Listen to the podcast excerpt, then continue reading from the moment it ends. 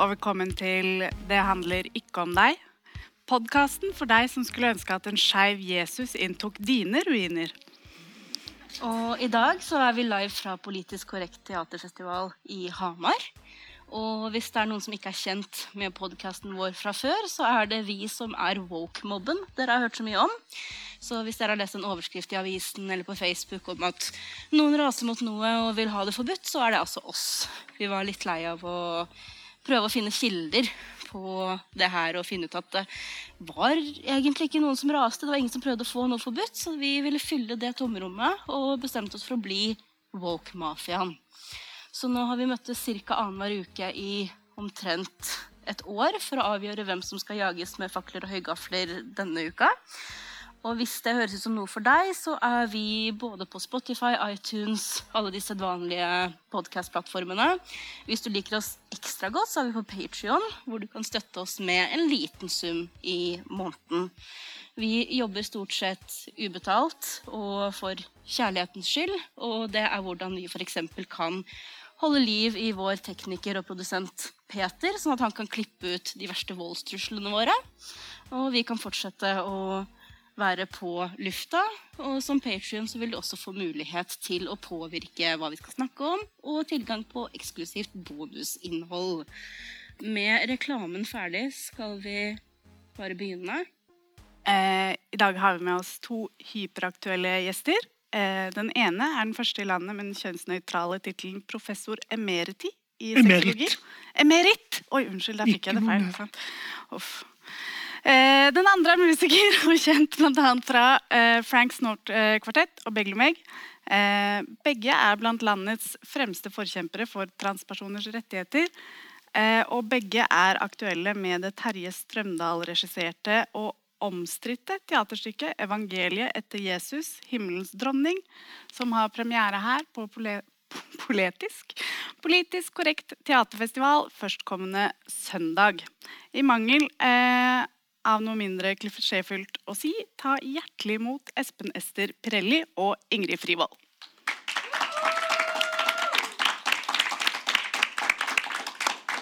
Jeg presiserte til Malin at vi burde introdusere stykket ikke ved å kalle det kontroversielt, men omstridt, fordi selve stykket i seg selv er vel egentlig ikke så veldig kontroversielt.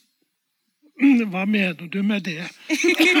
Nei, nå har jeg ikke sett stykket, jeg har bare lest eh, teksten. Og for meg så virker det som en veldig respektfull Oi, oi, oi. og ærbødig tolkning av Jesus, som, for- som for min del da, eh, kanskje bringer meg nærmere den bibelske Jesus eh, enn de fleste andre tolkninger jeg har sett, altså med forbehold at jeg er ateistisk og, eh, og, og alt sånn. Men selve materialet, da, slik dere ser det, og kanskje vi ser det, er ikke nødvendigvis kontroversielt i seg selv. Det er bare denne ideen om Jesus som transkvinne, slik hun er i det stykket, som ildner opp folk. Og de har jo ikke lest manus. Nei. Og de har ikke sett stykket. Nei. Og de ble invitert til å være med på prøver, men de kom ikke. Så det er jo noe med det at man blir så redd for å ta inn et annet perspektiv. Mm. Man har sitt. Og så er noen kan se perspektiv der ute, men det er farlig. Mm. Jeg ser at det går veldig altså Det er mange ting som går igjen i kommentarfeltene mm. når det gjelder kritikk eller motforestillinger mot stykket. Og en av dem er jo det er veldig eh, banale Og dette ville de aldri turt å gjøre med profeten Muhammed. Eh, og, altså, det er en, for det første da, så er det en sånn underliggende Eller det er et premiss der om at hvis, hvis dere hadde gjort dette med profeten Muhammed, da ville det blitt oppstyr, og dere ville blitt eh, hundset og forfulgt. Men nå skal jo det jo riktignok være politinærvær på eh, forestillingen, så dere har, har jo provosert eh, slik, slik det er også. Men hvorfor blir folk så sinte? Espen Ester har jo Du har jo noen glimrende sitater. Og det ene er jo det ja, redselen. Hvordan administrerer du den redselen du har? Vi er alle redde innimellom. Og- Og når, da vi først kommer til nivået som da handler om mer aggressiv redsel, og hvordan administrere dette Det er så mye fuck hva som skjer rundt der. At det å gå i Jerikos runder eh, for en teaterforestilling, da har du et prioritetsproblem, tenker jeg. Så er det jo sånn at alle har lov til å bli redde. Jeg er litt mer skeptisk til det som heter hat, men det er jo en slags konsekvens da, av redselen. Ja, det det. å administrere hat, det er det noen som ikke kan. Og de som er dårligst på det, de skyter. Eh, Så det er noe med å se at det er noe felles menneskelig i dette med å være usikker, eller 'dette var nytt for meg', eller hva er dette for slags folk? Og, og til det å hate, og til det å ikke kunne administrere sitt hat. Så at jeg liksom ser det der trappetrinnet på en måte i den tenkningen der. Jeg hadde sikkert regna med at det kom til å komme noen reaksjoner, men har skalaen overrasket dere? Du har f.eks. disse kongsdøtrene som eh, Ja, en veldig liten gruppe mennesker som gikk til biskop Fiske for å prøve å få stykket stanset, som nå eh, ber hver dag for at Gud skal stanse stykket. Eh, men kommentarfeltene, selvfølgelig, det, det regner man jo egentlig med, har jo blåst veldig opp. Hadde dere regna med at det kom til å bli så mye? Var det egentlig bare en del av beregningen da dere først Vet du hva, Det brukte jeg ikke noe tid på i det hele tatt. Nei, Jeg syns ikke vi skal bruke så mye tid på det nå Nei det Men jeg må jo si at det er en egen bønnegruppe på Sørlandet som ber for at stykket skal settes opp. Oh, ja. Det er jo Ja, ja, ja, de har fantastisk. kontakta meg, vet du. Ja, ja, ja. De ber. Ja, men Det var egentlig mitt neste spørsmål òg, for biskop Fiske har jo uttrykt veldig utvetydig støtte til dere. Har dere fått mye støtte fra progressive kristne miljøer som kanskje ikke synes så godt, da, fordi at alle er så opptatt av den der panikken og det negative? Har dere fått mange positive Vi har jo til og med prøvd å ha samtale med enkelte fra mer konservative kristne miljøer også. Frikirken i Hamar, pastor der, var også syk på onsdag. Jeg følte det var en veldig fruktbar og sånn At det er et skifte på vei allerede. Og det føler jeg at stykket mer enn noe annet kan være med på å få fram den diskusjonen i de segmentene av samfunnet som har vært isolert fra de spørsmålene. Mm. Ja, for det er et veldig viktig poeng eh, som han tar fram. At man vi hører jo bare om den kritikken og panikken, og, mens eh, altså, det å snakke om eh, de positive tilbakemeldingene og, og bevegelsene i de kristne miljøene, det, det selger jo ikke. Det, så Derfor så eh, er det masse fine samtaler som foregår, som vi aldri hører om. Ikke sant? La oss ta det her. Bortenfor støyen er der du finner de gode samtalene. Mm. Men støyen må til for å få til at den stille samtalen får plassen. Men den skjer i bakveggen. Og så er det ikke poeng å vinne en diskusjon. Det har vi fått nok av, synes jeg. Spesielt fra politisk hold. Eh, Nei, poenget for meg er det å forstå hvorfor den andre mener det den andre mener. Hvis ikke jeg kan ta den andres perspektiv og samtidig vite at jeg gi fra meg mitt eget. Så jeg kan godt ha en veldig liksom smal og konservativ oppfatning av Jesus. Men kunne jeg ikke da gå til siden og si hva er det du ser, Espen Esen, eller hva er det du ser, Ingrid? Å ja, så det er det jeg sier, ja. Nå skjønner jeg hvorfor dere tenker som dere gjør. Men jeg fortsetter å tenke som jeg gjorde. Men jeg blir klokere. Det ville vært litt tidkrevende, men kunne det vært en idé at hvis man først skal ha en debatt, så må man egentlig gjengi motpartens argument for å, å faktisk vise at eh, du har forstått hva motparten sier, og at det, du altså Det ville tatt veldig mye tid, men jeg tror det ville kommet mer konstruktivt eh, ut av det. Hvis du søker ordet muhabbet, som er et eh, arabisk tyrkisk ord, så ligger det noen publikasjoner der på den typen samtale. Nå skal jeg spørre et litt mer konkret spørsmål igjen. for Jeg forstår det som at det var Terje Strømdal, som altså regisserer stykket, som eh, først hadde ideen om å få dette stykket oversatt til norsk. For det er opprinnelig et britisk stykke av Joe Clifford, som dere forresten skal ha en samtale eh, med her i morgen. Bare i samme sal. Gleder meg til det. Mm. Eh, hvor hvor rulla ballen videre derfra? Hvor kom dere inn i bildet? Kjente dere hverandre fra før? Jeg vet ikke hvordan du kom inn i bildet. men- det, det, vet jeg faktisk ikke. Jeg vet jo selvfølgelig hvordan jeg selv kom inn i bildet, med et sjokk. Det, jeg fikk jo en melding litt ut av det blå. Uh, Jørgen Strikkert uh, som sendte meg en melding og sånn Du, vi har et prosjekt. eh, Dette, dette er tanken foreløpig. Er du interessert? Sånn, eh, jeg var i hvert fall nysgjerrig, og så fikk jeg manuset oversendt. Og bare Men dere kjente hverandre ikke fra før? Jo, jo. Og det første jeg sa, var vel eh, 'fantastisk casting'. Ja, det skal Teater Innlandet ha. Og så, så setter de opp dette stykket med, med hovedfiguren som en trans-Jesus. Og så er det sannelig en transbegavet person som lager musikken også. Det er noe med å ta inn det. Altså det å bli inkludert. Så på en måte så handler jo Teater Innlandet litt her sånn som Himmelens dronning sier at man burde gjøre det. Ingen er utenfor.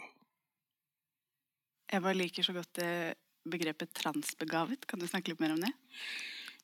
det, vi- det vi vet om dette, det, dette bærer vi med oss fra fødselen av. Og på et eller annet tidspunkt, så, så nesten som en slags magefølelse, kan du si, så begynner en å føle annerledes om dette med kjønn. Så tenker jeg, hva er det som er på den måten? Jo, menneskelig talent.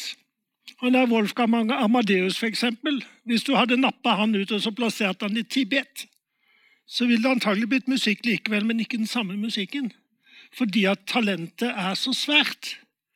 Det å oppleve kjønnsidentitet er et svært talent. Hvis det da blir sykeliggjort, eller syndiggjort, eller som noen gjør i media, ikke-eksisterende, så blir det en forbannelse å ha et sånt talent. Mm.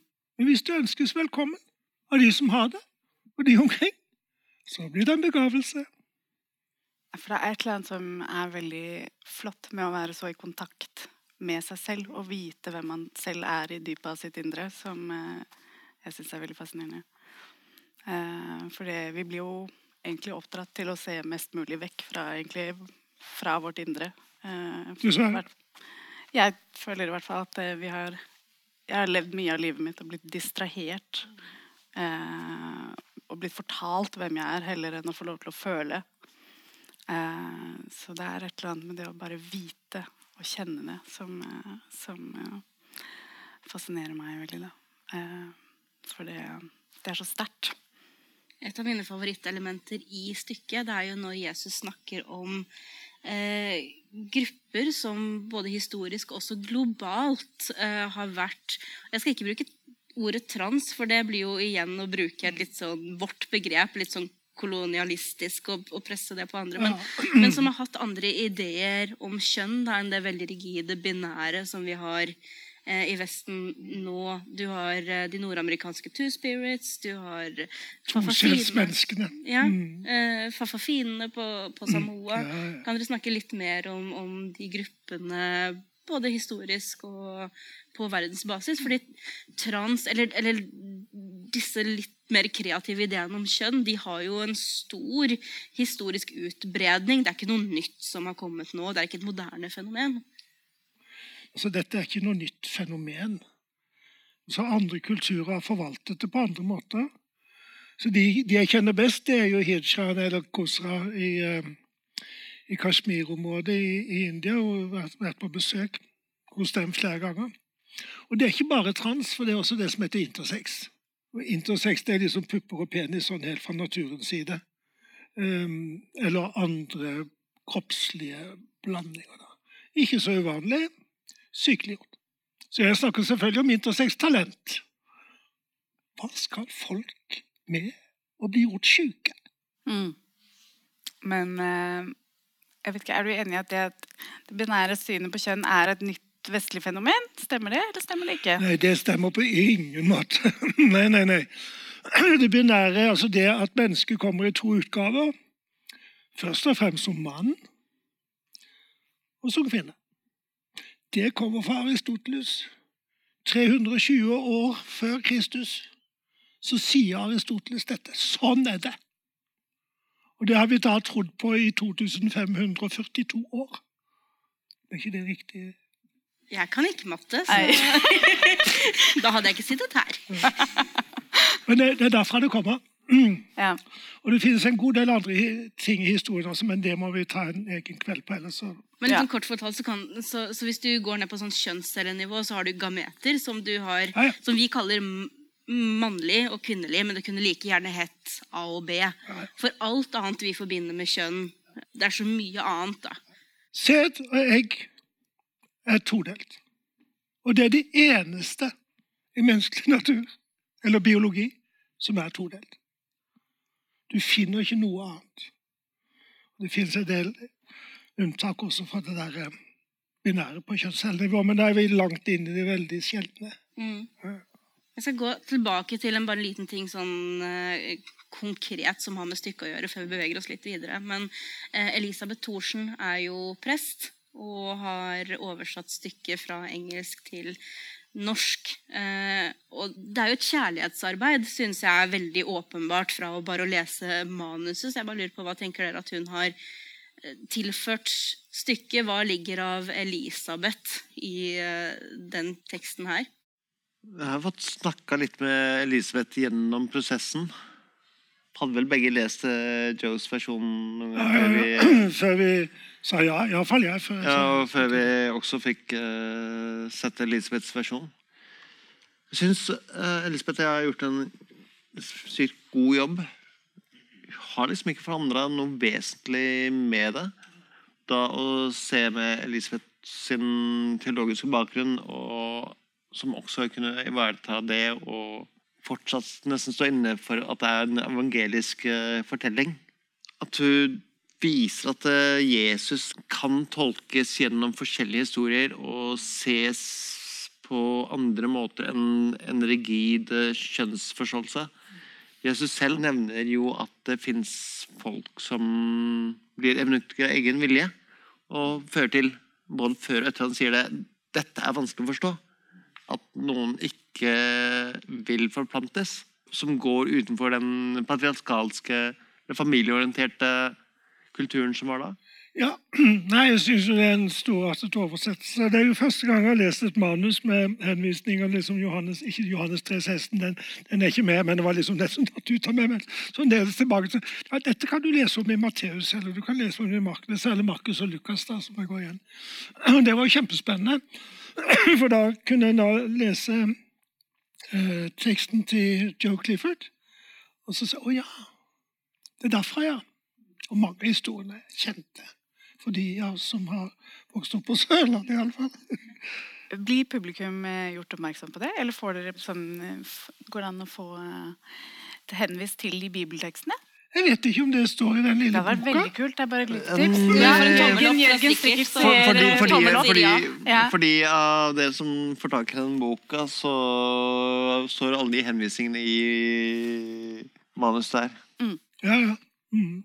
Ingrid nevnte jo det med tolkninger, at Jesus skal kunne tolkes. Og jeg tenker på at Bibelen i sin natur, det er jo lignelser. Altså det her er eh, metaforer. Dette er en bok som skal tolkes.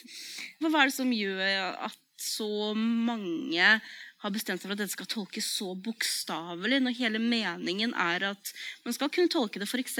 sånn som Joe Clifford gjør eh, i sitt stykke. Og det, hun gjør det med så mye ærbødighet og respekt. Da. Altså, jeg følte meg mye nærmere Jesus da jeg leste dette manuset, enn jeg har egentlig gjort noen annen gang eh, i mitt liv.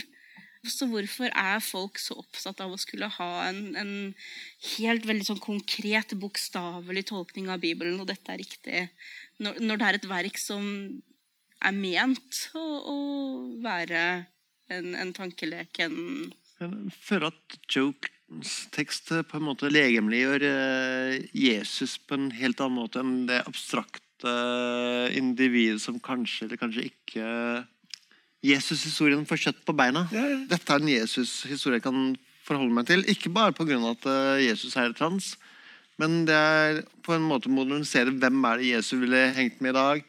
Og hvem er det han faktisk peker på som det, det står og har deres problemer. Men jeg bruker andre personer som syndebukker og peker på andres problemer. For at en ikke skal gå og se på seg selv. Vi har begge vært uh, innom offentlig debatten du mer enn meg, men uh, hva er det vi ikke har fått slengt til oss? Ja, Eh, jeg tror jeg blir nødt til å fortelle hva jeg har blitt karakterisert som i løpet av de siste to ukene. Det er jo helt fabelaktig. Og nå er det, det er ikke for å gi plass til disse nauda, men men Sorry. Eh, Men den ene sier at altså, Henter frem en sånn stor narsissisten som nå har funnet på dette. For at jeg skal liksom kunne stå på en scene. Og at de skriver om i avisene. Så tenkte jeg det er godt gjort. og tenkte altså, Da har jeg altså eh, for rimelig mange år siden inspirert Joe Clifford til å skrive noe som passer for meg, som jeg da kan opptre med, i beste fall, fordi at Teater Innlandet ber meg gjøre det.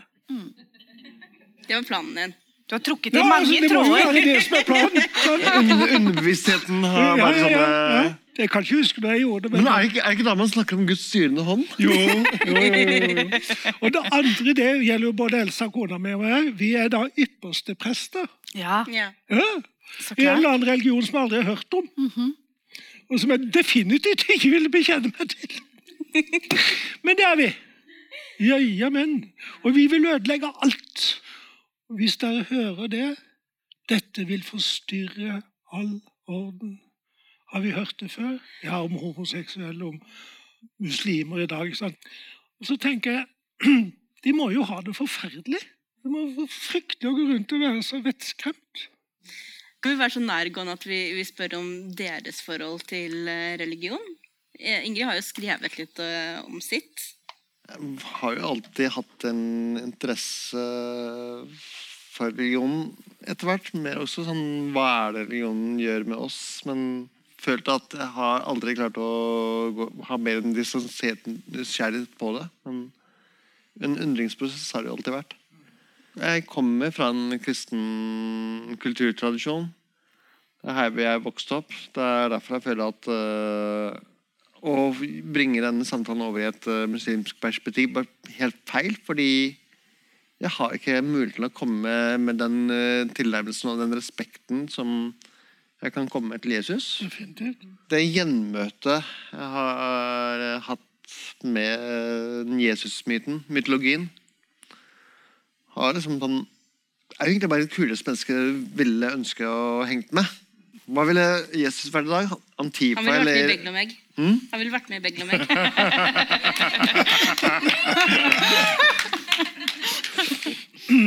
Ja. Kanskje jeg også skal svare på det. Jeg er jo oppvokst i Grimstad på Sørlandet. Og har vel alltid vært en outsider på mange vis. Eh, Og en av outsiderismene mine det er jo at jeg har vært så opptatt av de religiøse miljøene, eller de kristne miljøene, det er jo det du møter der nede, av ekskluderingen. For jeg tror veldig veldig tidlig jeg skjønte hvilken enorm potensiale kirka har til å bidra til å gjøre liv forferdelige, men også til å gjøre liv veldig gode. Jeg har jo hatt to rare forespørsler. Jeg har nettopp nevnt den ene. Eh, Jørgen Strikkert, som sier at det bare er én person i Norge som kan spille den rollen. Du kan ikke si nei, da. Men den andre forespørselen den kom for et par år siden, tror jeg. Eh, Og Der ble jeg spurt om jeg ville holde morgenandakter på radioen. Ja, det var like overraskende som å bli bedt om å spille Jesus. Sånn. Og så altså, Den første følelsen jeg fikk, det var så fint. Det vil jeg gjerne. Så det har jeg gjort. Men jeg måtte jobbe litt med NRK, for jeg ville ikke kjenne Gud. Så derfor sier jeg ikke Fader vår, men jeg sier Vår Gud som er i himmelen. Og det fikk jeg lov til. Og det var selvfølgelig noen som syntes det var forferdelig, eh, som ikke klarte å ta det perspektivet. Så, så sånn er nå det. Og i de andaktene En av de så sier jeg at jeg har gjort iherdige forsøk på å forsøke å ikke tro på Gud, men jeg får det ikke til. Nei, gjør ikke det. Og dette stykket her, du, du kan ikke berøre Jesus-skikkelsen uten å bli berørt selv. Så det har berørt meg veldig. Og kommet mye nærmere Jesus-delen av det guddommelige, kan du si. Men noen religion er jeg ikke så veldig opptatt av. Jeg syns ofte de byråkratiserer det spirituelle, det åndelige. Du skal liksom tro på den måten. Jeg er ikke troende til å gjøre som andre sier nødvendigvis. Mm, du har jo da, har jo så da Jesus som kan lovene, men allikevel eh, går og helbreder på den sabbaten fordi ja, Jeg kan ikke vente til morgenen med å operere et brukket bein. Du er spedalsk i dag. Det er nå det er, denne muligheten er. Jeg kan ikke utsette dette fordi Ja. Jesus var ikke byråkrat. Nei. Jeg svarer den eh, du kunne ta, gå inn på kontoret og snakke med også, tror jeg. Eller, Jeg syns et av de beste sitatene, eller fortellingene, det er når Jesus spør er sabbaten til for menneskenes skyld, eller menneskene for sabbatens skyld. Og hvor mange av dere har opplevd at systemene er viktigere enn dere? Sant? Og det opplever vi hele tiden. Jeg opplever det i helsevesenet hele tiden, hvor vi flytter rundt som brikker. Og Da syns jeg det er betimelig å spørre er systemene til for menneskenes skyld, eller er menneskene til for systemenes skyld. Ta det med dere. Og Nå blir det helt sånn Jesus. Nei, men Nå, nå besvarer du på, på sett og vis eh, et spørsmål som jeg har, eller eh, en betraktning som jeg har. fordi eh, både i jobbsammenheng og ting jeg eh, leser eh, eh, liksom på, på, på hobbybasis, så blir jeg stadig forbløffa over hvor mye arbeid du har gjort da, på ditt felt. Altså, det er klart at en, en professor merit på, i sexologi har eh, gjort mange ting på sitt fagområde. Det sier seg jo selv, da, men det virker som du alltid har hatt Eller du har alltid vært på ballen, da, når det, spesielt når det gjelder eh, skal man si, folk som eh, har eh, blitt marginaliserte. For eksempel, du har gjort mye arbeid, også din kone har gjort mye arbeid Ja. eh, når det gjelder seksuell helse og trygghet hos folk med funksjonsnedsettelser. Eh, både fysiske og, og psykiske. Hvor kommer det engasjementet fra? Jeg tror jo det kommer fra dette å, å oppleve seg utenfor eller tilstedestatt eller ikke inkludert. Da. Det er jo ganske rart, fordi ehm, Jeg har veldig mange historier om det, men, men eh, en av dem det er at min sønn lagde en film som heter 'Alt om min far'. Eh, og så var vi pff, Det må ha vært i rundt år eh, 2010, tenker jeg. Så var vi på en kongress i, i um, Sydney. Og på disse sexologikårene Det er gøy å være på sexologikårene, jeg skal bare anbefale det. og så er det gjerne sånne store minglerom, da. Og her var det noen store, runde bord på disse minglerommene. Så vi kom inn der, sa jeg da, og så eh, liksom, Og så er det liksom ett bord der, akkurat der, liksom. Og de smiler og vinker. Så de liksom så blir vi vinka bort, da. Og jeg lurte på liksom, hva, hva er dette? Jo, de var fra universitetet i Canberra i Australia. Og der brukte de den filmen ikke bare i forhold til kjønn, men også i forhold til etnisitet. Så det er på en måte noe av svaret på de spørsmålene at ingenting angår ingen. Men du har jo åpenbart satt veldig mange spor, fordi en annen ting i det, det er jo eh, jobben du har gjort, og, og din kone. Men jeg føler at det hver gang jeg enten snakker med selv, eller leser eh, noen som gjør veldig viktig jobb på disse feltene, f.eks.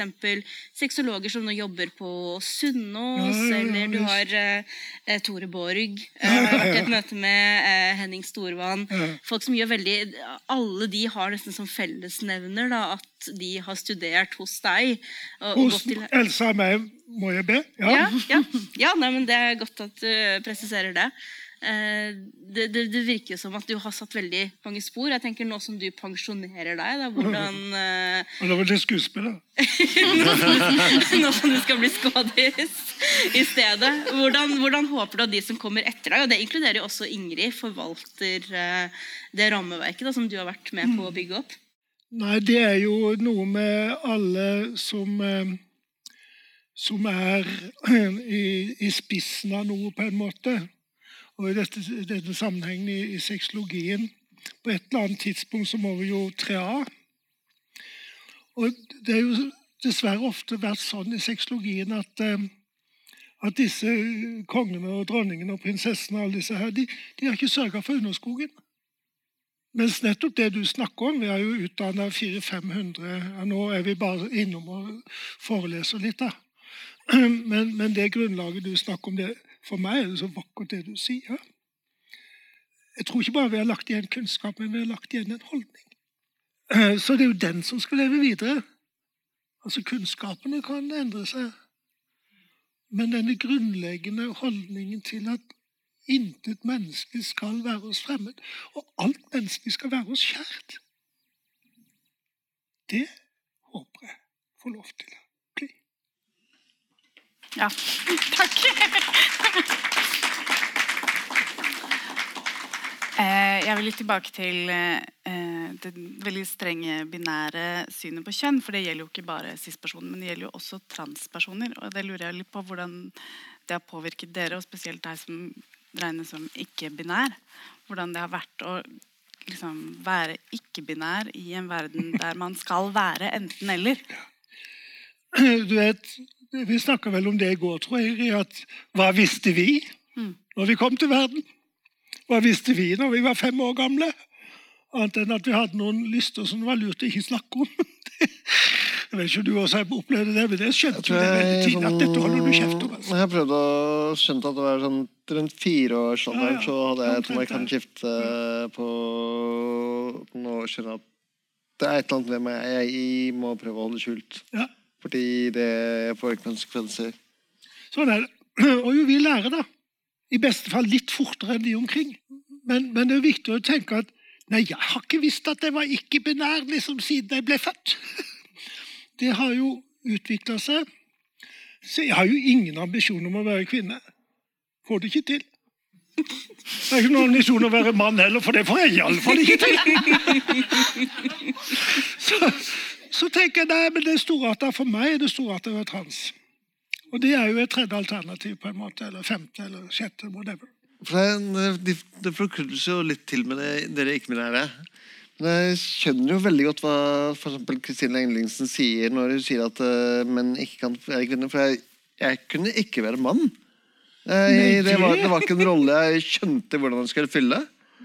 Jeg sånn bare Nei, dette er ikke meg. Jeg må finne et, kompass så jeg kan finne Ja, veien ja. ut til å faktisk være meg sjøl. Og etter hvert som jeg har eh, gått i skrittene etter kompasset, så finner jeg ut at, at det er faktisk greit å være meg sjøl. Og så måtte vi på en måte tegne kartet sjøl. Det var ikke mange De kartene var ikke veldig fylt ut når vi sånn, Og der har jo du vært mye med å hjelpe folk i stor grad å tegne kartene. Ja, jeg håper det. Guro Sibeko hadde jo en artikkel her i, for et par dager siden hvor hun snakka om at når kom det norske begrepet skeiv inn i Norge. Det var en sånn, og hvorfor kom det inn? Jo, bare for å finne en måte å samle erfaringene til alle de som vi oss som ikke eh, hører inn i det heteronormative. Og finne en felles beskrivelse på de opplevelsene. Og så har skeiv da blitt et normativt begrep. Ja. Og normal betyr bare normativt. Så vet jeg det. Jeg kom til å skrive her for tre-fire uker siden. og ble bedt om å skrive noe i forhold til en bok som skal komme ut på engelsk.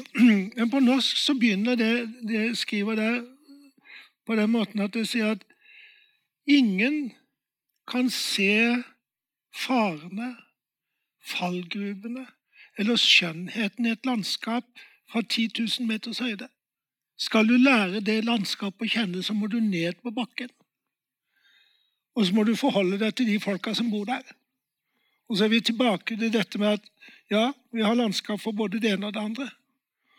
Og gjør du ikke det, altså de som mener noe om trans, og som ikke har snakka likeverdig og kjærlig med minst 100 av oss, bør holde kjeft! Ja.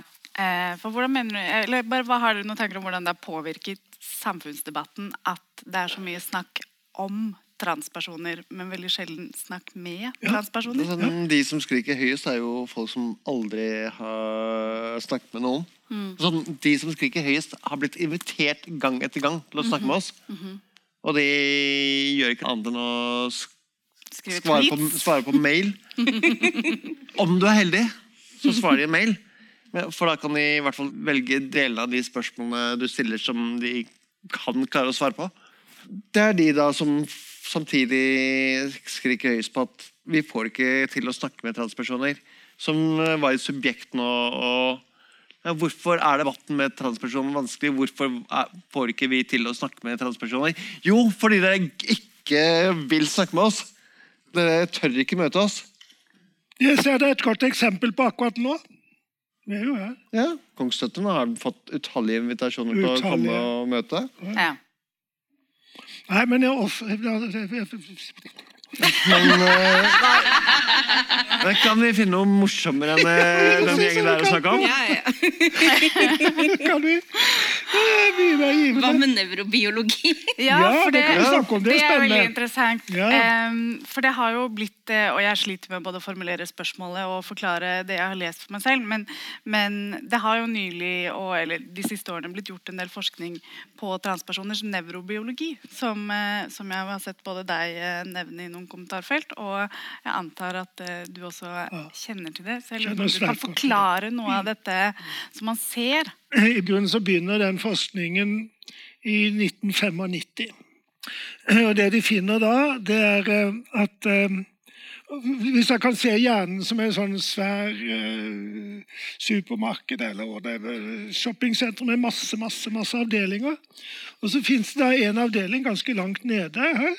Akkurat i det området så finner man hos vanlige kvinner en sånn bitte liten, ganske cellefattig greie. Og hos vanlige menn så finner man akkurat det samme stedet en litt større, men mye cellerikere greie. Og så lurte man på hvordan det var hos transer.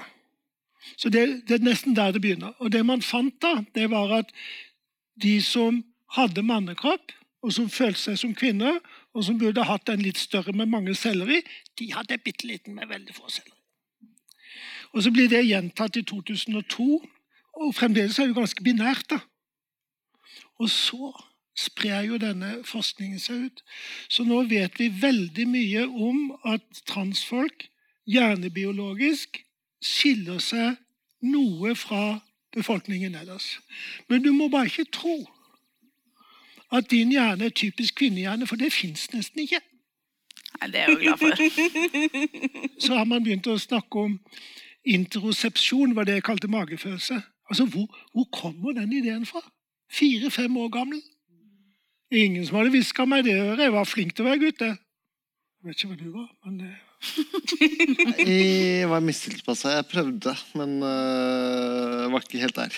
Jeg gjemte meg jo bak det i mange år. Privilegiene skjønte jo, men Ja, øh, etter hvert uh, når, når du heller bare gjemmer deg bak en maske, så hjelper ikke privilegier deg. For du får ikke eksistert uansett når masken er for tjukk. Litt sånn tilbake til nevrobiologien. Kvinner er ikke like. Og noen er jo mye mer skal vi si, mannlige, eller et eller annet. Jeg vet ikke hvilket ord vi skal bruke, men de som beveger seg i den M-retningen, og andre beveger seg mer i F-retningen. Og blant menn så er det mange som beveger seg i F-retningen. Så vi vet alle det. Og du trenger ikke være homo for å være feminin. Det er fint å være homo, homoseksuelt begavet, men du trenger ikke være det. Du kan bare være akkurat det du er, med litt feminine talent. Så, og det har altså med hjernen vår å gjøre. Og, og hvis du tenker at vi kommer inn i verden da, for dette er talentene ikke sant? Og så går vi inn i et supermarked, eller jeg pleier å kalle det kjønnenes fornøyelsespark. og der er det sånn at du skal alltid vinne prisen på øverste hylle. Og hva er det der? Jo, det er en rosa en blå bamse. Så vi fikk den blå. Kunne ikke med den. Hvor mange er det igjen? Så noe av min jobb har vært å plassere flere bamser på øverste hylle. Det så en ro, sånn litt sånn lilla transbamse en intersex-bamse. Jeg har til og med med meg en sånn badeand for de som ikke liker kjønn i det hele tatt. Hvor mange bamser eller dyr er det oppå den hylla? Jeg har syv. Ja. Ja. og det er fordi at, ikke fordi at jeg har funnet på de syv, for det er det slett ikke. Men jeg har snakka med de syv. Og de har sagt at sånn er det for meg, så har jeg sagt ja. Hvem var jeg som skulle mene noe annet enn det du mener om deg sjøl? Kan du fortelle litt mer om, om den tanken om de syv kjønnene? For det er jo noe du har eh, skrevet om. Og... Ja, jeg er blitt jo helt mot verdensberømt pga. det der. eh, damebamsen, den rosa, og så er det manne- mannebamsen, blå. har vi to. Så har vi transbamsen, den er lilla. Så har vi intersexbamsen, den er brun. Så har vi Det blir på en måte ikke-binær-bamsen som gjør kjønn akkurat som de har lyst. Den er spraglete. Og så er det en som er gul, og det er de som evnukk-kjønn, kaller de det. Og så er det banana for de som ser et kjønn. Er ikke meg. Ble det syv? Jeg tror det er syv. Jeg kan ikke telle. Men, men hun kan si at alle, dette er jo bare folk jeg har møtt. For jeg har ikke vært i 10 000 meters høyde. Jeg har vært i det terrenget. Og så treffer jeg noen som bor i det terrenget, og så sier de ja, sånn er det for meg. Så sier jeg fortell om det. Og da blir jo kartet til, da. Mm. Men er jo for kjeft for det.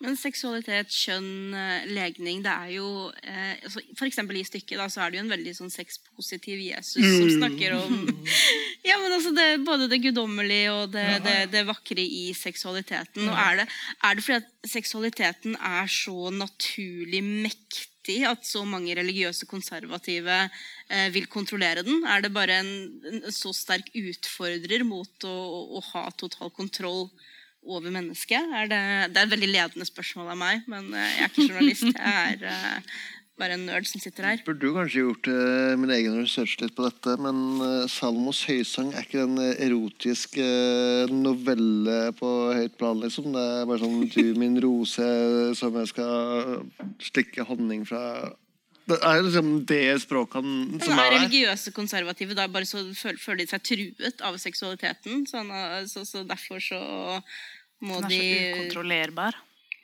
Det er, det er en forskningsoppgave. Og det å finne ut For det er nemlig ikke bare religiøst konservative. Eh, Men det er også diktatorer. Altså eneherskere. Så, så, så de møtes på en måte der. ikke sant? I, I Russland så må du bare ikke ytre noe om at det er ålreit å være homo. Du blir satt i et eller annet ekkelt fengsel. Og det, det har de jo funnet på i Putins tid, og Putin skal ha all makt. Og jeg tror alltid seksualiteten har vært skummel, for den lar seg ikke kontrollere. Den lar seg administrere hos hver og en av oss, det gjør den, og det skal vi gjøre. Men det er ingen utenifra som kan kontrollere den. Og jeg tror det er det som er det skumle. Og jeg tror det er det som er skummelt i de miljøene hvor, hvor den livsarenaen du har, den er så bitte liten. Så du tåler bare ett perspektiv på Jesus, f.eks. Og, og da er seksualiteten skummel. Fordi at den Uoversiktlig. øh, Så vil den jo så mye gøy. Og vi kan jo ikke ha det så gøy hele tiden, kan vi? Og kan vi ikke det, da? Nei, nei. Hva er problemet? Kan vi ikke feste og feire? Jo, kan vi ikke feste og feire? Og nyte dunhåret på den elskede sped? Jeg lurer på om det er et sånn perfekt sted for oss å runde av med en oppfordring til å feste og feire både seksualitet og eh, Ja. kjønn og eh, alt, eh, alt livet har å by på.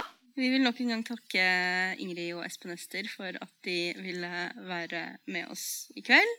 Vi er som nevnt på Spotify og alle disse vanlige eh, plattformene. Og hvis du vil høre kveldens samtale i reprise, så kommer den om noen dager. Når enn vi husker å slippe Peter ut av transportburet etter festivalen.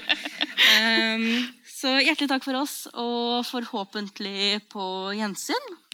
Og igjen tusen, tusen takk Ja, til dere. Tusen hjertelig takk.